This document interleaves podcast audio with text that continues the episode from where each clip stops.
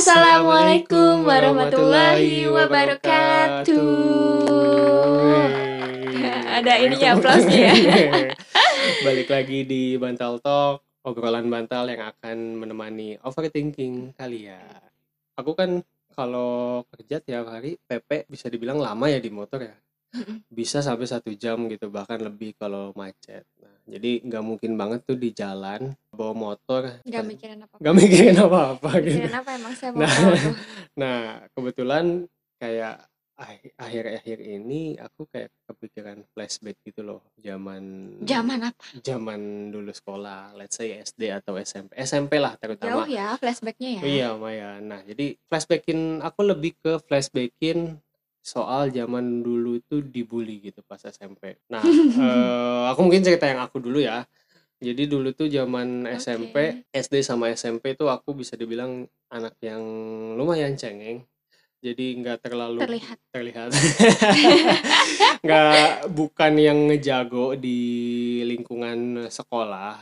Jadi jadi anak yang sering dipalakin lah gitu, sering iya. sering digencet tanpa reason gitu oleh preman-preman sekolah eh, saat itu ya tujuannya ya kalau nggak dimintain duit dimintain jawaban contekan gitu Iya. pernah juga digencet sama pre- mantan preman juga dulu di sekolah yang di WC digencetnya gara-gara aku nggak ngasih contekan misal nggak ngasih contekan LKS misal dulu nah jadinya nangis Gila zaman dulu dan banget ya sisanya mungkin bulian-bulian yang mulai dari yang levelnya bikin nangis bikin kesinggung sampai yang kayaknya bulian biasa aja kayak misal kita saling ngejek nama orang tua gitu kan itu kan Iya iya benar-benar. kayaknya Itu zaman dulu banget iya ya. zaman kita Kita angkatan pasti kita gitu Akan melewati masa itu. Ya, akan gitu. melewati masa itu yang walau eh, walaupun sadar nggak sadar ada beberapa yang masuknya kategori bullying, ada yang enggak gitu kan. Iya, cuma ledekan bercandaan Ah, aja ya. coba ledekan gitu. Jadi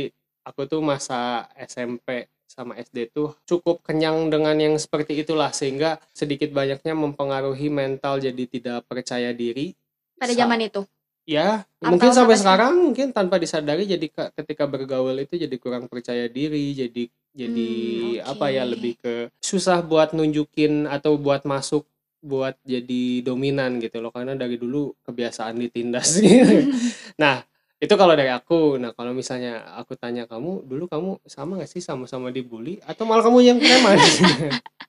nggak bisa dibilang preman juga sih tapi gue tuh ada di lingkungan yang seperti itu lingkungan apa? Lingkungan yang dibully. lingkungan yang ngebully Ini apa SD? Eh, SMP, SMA? SMP SMP sih kayaknya Oh, SMP oke, sih. sebenarnya nggak ngebully sih.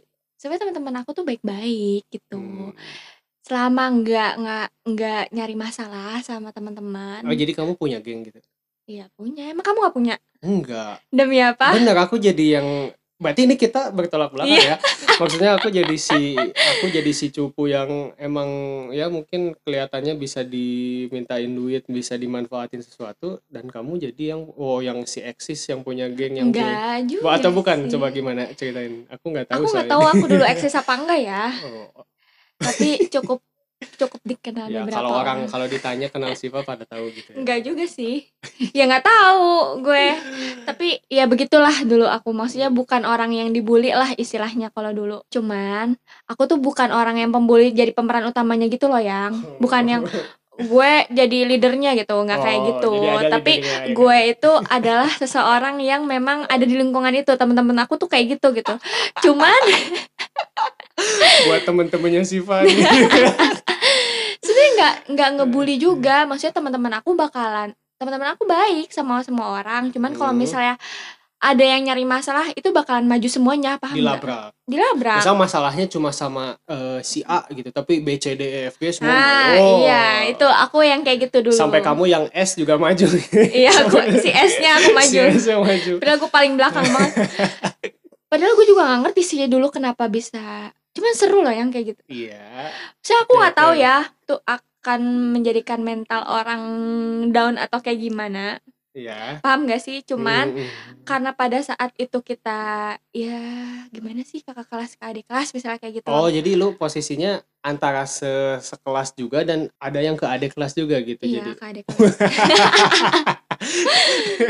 Cukup barbar ya. Cuman aku tuh ya balik lagi aku ini ya klarifikasi ya bukan gue jadi pemeran utamanya pas itu aku Hmm. selalu yang ikut-ikutan aja sebenarnya gitu Iya, iya. tapi bagian dipanggil BK kita bareng-bareng gitu Oh. wede Solid. kamu pernah nggak dipanggil BK Enggak, karena aku tuh yang apa yang- kamu orang yang ngelaporin? Orang yang suka ngelaporin? Enggak lah, gua nggak cepu juga gitu. Karena dulu ya dipendam sendiri aja nangis atau apa gitu ya kan. Allah gila. Ceng- berarti kita ber, bertolak belakang. bertolak belakang banget sih ya. Tapi ya berarti aku jadi tahu kalau sebenarnya yang ya sedikitnya gitu ada pandangan dari kamu. Ternyata menurut kamu atau mungkin menurut banyak eh, orang yang dulu di posisinya sebagai Mm-mm. yang eh, lebih eksis gitu lah ya kan kalau disebut pembuli kayaknya aku Terlalu terlalu, ini kasar juga ya. gitu karena kan masih zaman kecil gitu kayaknya nggak ada intention buat Iya, bullying juga gitu jadi betul. lebih ke kayak mungkin nyari eksistensi lebih ke situ kan ya aku baru dapat pandangan juga sih tadi dari cerita kamu oh ya mungkin lebih ke seru-seruan atau ya buat nunjukin kita nih eksis loh gitu lu jangan Enggak lawan juga apa enggak sih, juga enggak juga. Oh. Sebenarnya enggak ada pikiran kayak gitu. Aku nggak tahu ya kalau misalnya tingkat bullying orang kan beda-beda. Istilahnya Iya. kan kayak gitu ya. Kalau aku pada saat itu memang ada masalah gitu loh. Karena seringnya karena ada Iya, masalah karena ada masalah nggak mungkin tiba-tiba lu nggak ada masalah sama gua. Kayak kalau misalnya kamu kan emang bener-bener pure bully gitu iya kan. yang bener-bener Kamu nggak salah apa-apa, Ya, dipalakin, itu dilabrak atau Dulu segala macamnya. gitu banget Kalau aku tuh nggak kayak gitu. Mungkin kalau ke cewek nggak mungkin. oh iya cewek beda juga Cewek sih, beda lah eh ngebulinya gitu kan. Maksudnya gue juga nggak ngatain yang ah lu gini gini gini nggak kayak gitu. Cuman Eh, lebih kayak klarifikasi, lu kenapa nyari masalah sama gua gitu. Ini kenapa nenek? ngebutin cowok Enggak, Wah. gila ngapain? Gua yang direbutin. Woi. demen ini confidence Iya pokoknya kayak Bener, gitu sebenarnya. Cuman kan tingkat bullying orang kan beda-beda dan ya memang mm, jadinya konsekuensi apa? Dampak dari dibullying itu kan kamu ngerasa lah kayak gimana gitu. Iya, karena bener bener kata kamu tadi aku tuh dibully for no reason gitu. Jadi misal kayak pulang sekolah jalan kaki ngelewat suatu gang di situ ada eh, anak-anak di kelas lain yang sebenarnya aku juga nggak sekelas dan nggak terlalu kenal.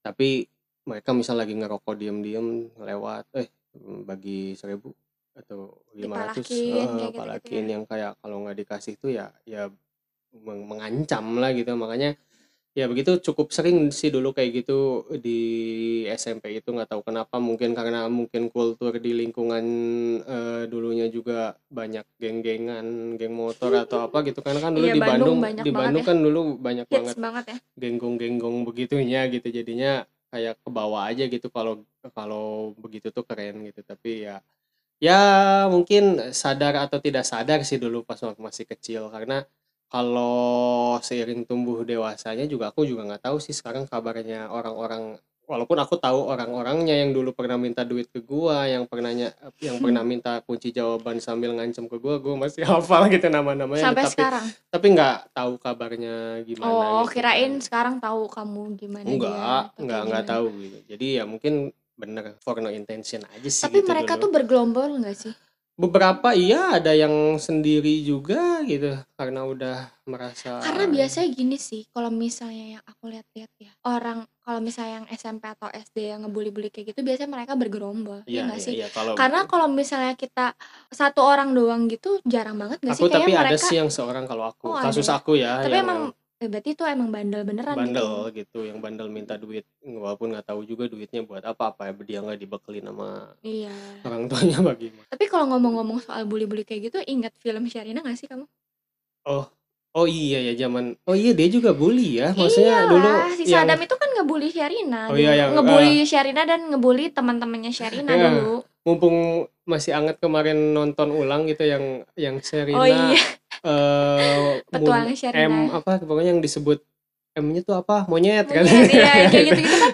Sebenarnya itu kalau dilihat-lihat kita udah gede mah apaan sih lucu sama yang banget gitu kan. dikasih permen karet Iya, kursinya. dijebak permen karet yang Iya, kayak gitu iya. terus kalau untuk kalangan SD kan itu lumayan Iya. lumayan apa ya bikin mental Iya, down anak-anak juga nggak sih? pede, Nah, iya, eh. jadi kayak gitu bahkan dengan teman-temannya Sherina pun jadi pada takut kan sebenarnya nggak ada yang berani sama si Eh. Sadam ini kan. iya iya Nah, oh pas iya datangnya si Sherina baru teh baru deh Berani. tuh mereka berani kan Ada buat berani ngeberontak. lawan. Iya, ada yang berani Dan lawan. ternyata eh, setelah kita tahu juga Sadam background keluarganya justru dia jadi anak yang Paling manja, jadi paling bungsu, dimanja, oh, iya. bungsu, bungsu dimanjain, dipanggilnya Yayang, Iya.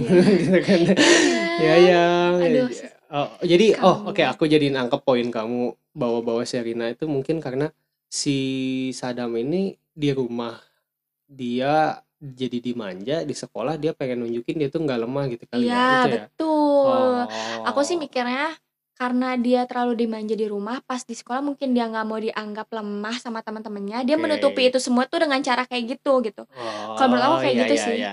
Jadi pasti bakal pasti ada latar belakangnya dan kebanyakan setelah diulik-ulik ya orang-orang yang kayak gitu tuh ada aja gitu misalnya dia broken home lah Iya, atau bener. apalah pasti ada aja gitu latar belakangnya Ya, gitu. ya dan latar belakang yang normal biasa aja juga ada ya. Iya. Walaupun sebenarnya gini sih yang aku perhatikan ya. Sebenarnya istilah bully kayak gitu tuh kayak baru muncul di permukaan tuh satu dekade ini gak sih? Kayak zaman dulu 2010 ke bawah waktu zaman kita sekolah sebenarnya nggak ada istilah bully. Iya. Terus eh, zaman sekarang itu kan kayak ya karena udah ada media sosial juga sih. Iya, Jadi iya. orang-orang tuh udah lebih di encourage untuk Betul. speak up kayak gitu. Jadi istilah bully-bully itu tuh jadi semakin orang tuh makin ter, ter apa ya, teredukasi lah gitu. Betul. Bully itu begini, bentuk Hmm. bully itu ada yang dari ucapan atau yang dari tindakan. Tadi nih kata katakanlah yang kita ngelihat film Serina, Serina dikasih permen karet tuh oh lucu gitu, hahaha. Mm-mm. Padahal ternyata itu dalam bentuk tindakan sampai mungkin bully yang eh, levelnya udah ke seksual gitu kan ya parahnya gitu. Iya, Dan itu iya. jujur aku pun baru merasa teredukasi itu ya Akhir-akhir ini ya. akhir-akhir ini ya katakanlah Iya, ternyata baru kayak ini gitu iya setelah ada baru internet. mm, baru-baru ini dan kita jadi flashback itu dulu gue pernah nggak ya kayak gitu. Heeh. Jadi kayak baru menyadari oh dulu gue tuh kayak gitu, dulu gue tuh pernah melewati masa itu yang Iya. kayak gitu-gitu ya. Dan mungkin ya aku nggak tahu ya di masa kita SMP kita eh, lingkungannya begitu gitu. Eh tre yang yang ngetren tuh adalah ya katakanlah ngeledek-ngeledek orang tua tuh ngetren atau misalnya jail-jail yang gimana itu saat itu lagi ngetren. Tapi kalau kita bandingin dengan zaman orang tua kita sekolah, Mm, aku nggak tahu mungkin akan selalu ada bedanya karena pastilah. ketika kita bicarain sekolah perpeloncoan dan lain-lain tuh pasti orang-orang yang di atas kita itu selalu ada kalimat eh, underestimate. Misal kayak ah zaman lu mah lebih enak, Enak kayak masih pasti gitu. mending gitu. Coba zaman bapak eh, coba zaman saya gitu. Kita pun seperti itu ya mungkin katakanlah di aspek fakultas misal. Keangkatan bawah tuh kan pasti ada omongan eh ah zaman lu mah ospeknya ini cuma begini doang zaman gua bla bla bla. Pasti Iya, kan pasti selalu ada Eh, eh, perbandingan-perbandingan dibandingin dan yang lebih dulu tuh merasa lebih eh, wah gitu lebih Iya. lebih parah tapi justru aku overthinkingnya gini sih yang aku merasa dengan sekarang media sosial informasi bener-bener semua nggak bisa disaring aku jadi ngebayangin nanti lingkungan ya ketika kita nanti udah punya anak let's say 2025 ke atas anak kita udah gede udah siap keluar ke lingkungan yang lebih luas aku jadi mikirin gitu nanti gimana ya gitu kalau anak kita dibully gitu. Kalau- jujur aku sampai kayak kepikiran gitu Iya sih, kalau dibully. tahapnya udah sampai kayak gitu ya. karena dulu katakanlah ketika aku dibully di SMP dengan kondisi seperti itu aku nggak cerita ke orang tua.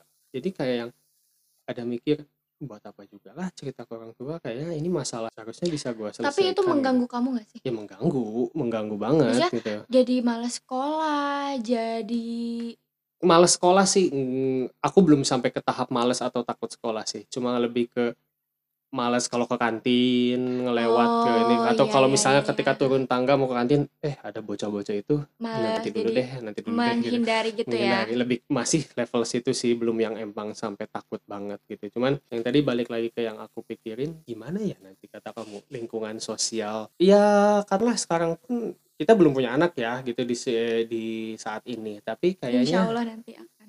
ya amin Amin. Ya Allah, amin kan bareng Amin.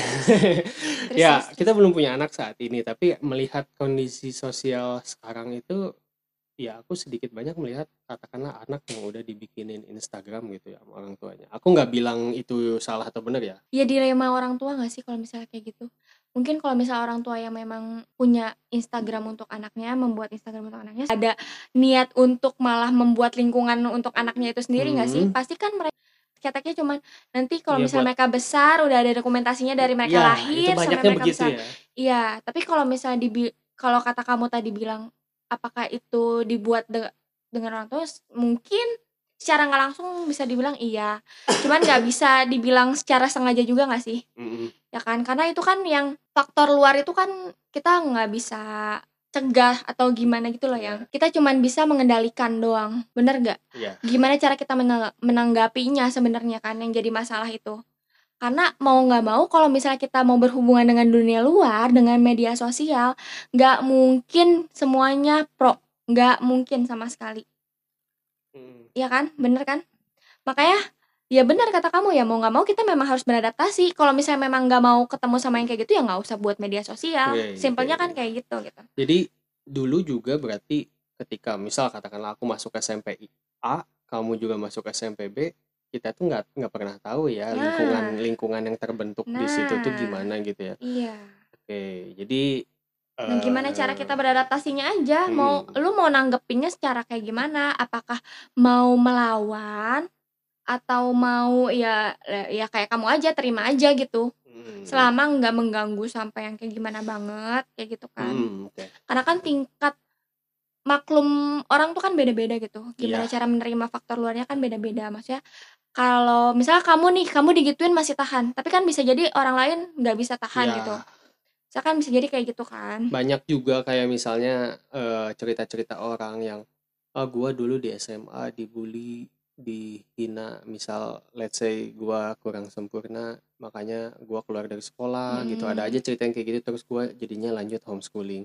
Eee, ketika ada yang merasa dibully, orang tua tuh ada yang sampai, "Ya udah lu keluar aja dari lingkungan situ, lu lu lu homeschooling." Itu artinya kayak orang tua berperan dalam membentuk si eee, memilih si Oh. lingkungan si anaknya. Nah, katakanlah nanti kita udah balik lagi ke pertanyaan awal, kita nanti punya Gimana anak, cara, gimana sih? ngatasin kalau misalnya itu terjadi pada anak kita gitu. Nah, itu dia, gua susah banget ya mau mau nanya itu, kalimatnya Aku sedang merangkum dari tadi tuh.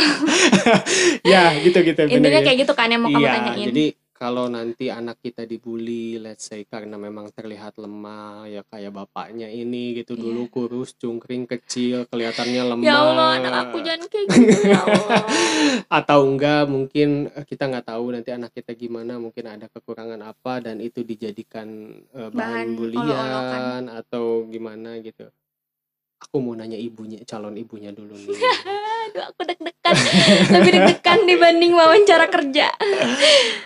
Kamu akan melakukan apa, baik ke anakmu atau ke lingkungan yang, "Oh, ini nggak jelek banget nih lingkungannya," gitu. Kamu mau ngajarin apa sih?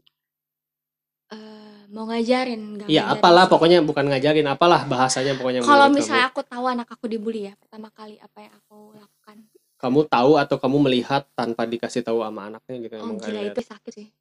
Pokoknya sebelum maksudnya dari awal pun kita harus aku udah mau ngasih, apa ya, ngasih tahu ke dia kalau misalnya memang ada apa-apa ya terbuka aja gitu. Dan aku akan berusaha gila gue kayak wawancara kerja nggak sih? Ya maksudnya aku akan berusaha membuat anak aku itu terbuka sama aku gitu loh Yang. Iya. Karena seperti yang kamu rasakan dulu gitu, sekecil apa pun yang di eee, dia lakukan di sekolah atau apa yang terjadi di sekolah, aku pengennya anak aku tuh cerita sama aku gitu, sekecil apa pun gitu. Tapi kalau untuk, eee, misalnya anak aku, "Mah, tadi misalnya aku di dikatain sama Dikatain. ini," kayak gitu-gitu. Ya aku bakal nanya balik dulu sama dia, "Emang kamu ngapain? Kamu ini dulu nggak ini duluan nggak? Nyenggol duluan nggak ke dianya? Kamu ngatain duluan nggak? Atau kayak gimana?" Karena kan kebanyakan orang tua kan sekali dibilang kayak gitu kayak, "Hah? Ngebelain anaknya. Iya, pasti Oh, iya ngebelain iya bener. kan." Maksudnya Malah kayak orang jadi itu malah lebih ngajarin kayak, ya lu mau salah mau bener, lu pasti bener gitu.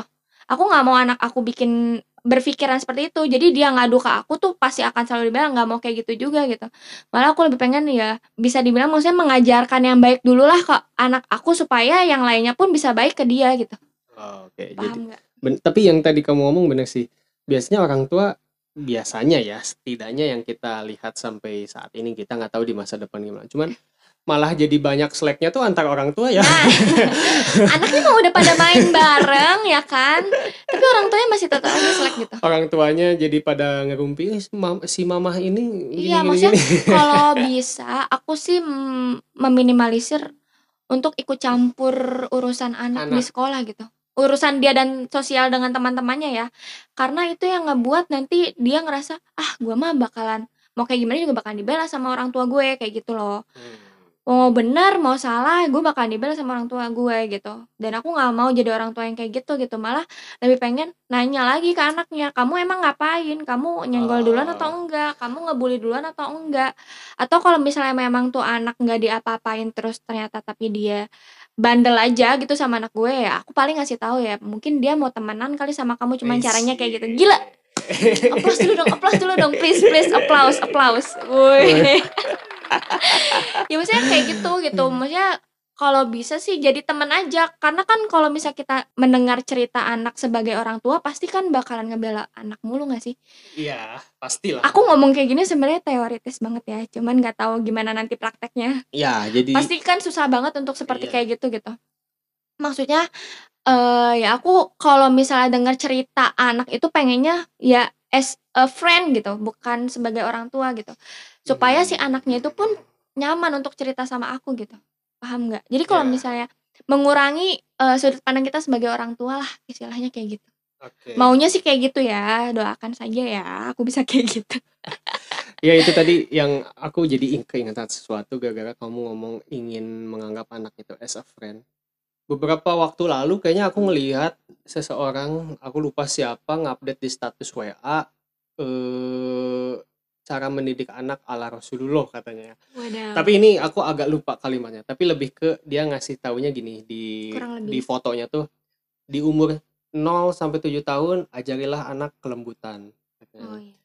Terus di umur 7 sampai 14 tahun ajarilah anak dengan apa gitu aku lupa. Tapi yang di umur 14 tahun ke sananya eh, jadikanlah anak sebagai teman. Jadi itu kayak aku Ya. eh, tadi baru keingetan pas dengan Wow. kamu gitu. dengan yang saya tadi. cerdas Iya. Jadi kayak keingetan. Jadi ya, tapi nanti mungkin eh, yang buat eh, umur 7 sama 14-nya nanti teman-teman bisa ya Google juga aku takut salah juga karena Iya, lupa iya, gitu. iya.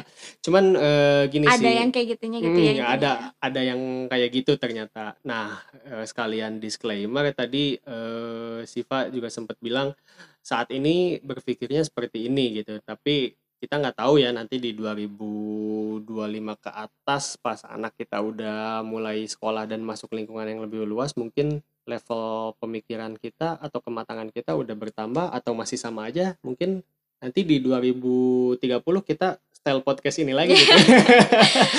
gue ngomong apa ya Cuman aku setuju sih banyak setuju dengan kamu. Jadi lebih ke jadi saya lulus nih pak menunjuk lebih ke menunjukkan anak itu nilai yang benar dan salah tuh ditunjukkan dengan jelas dulu gitu ya. Jadi biar Iya. anak itu lebih objektif gitu ya. betul Jangan dengan mudah ada di pihak si anak.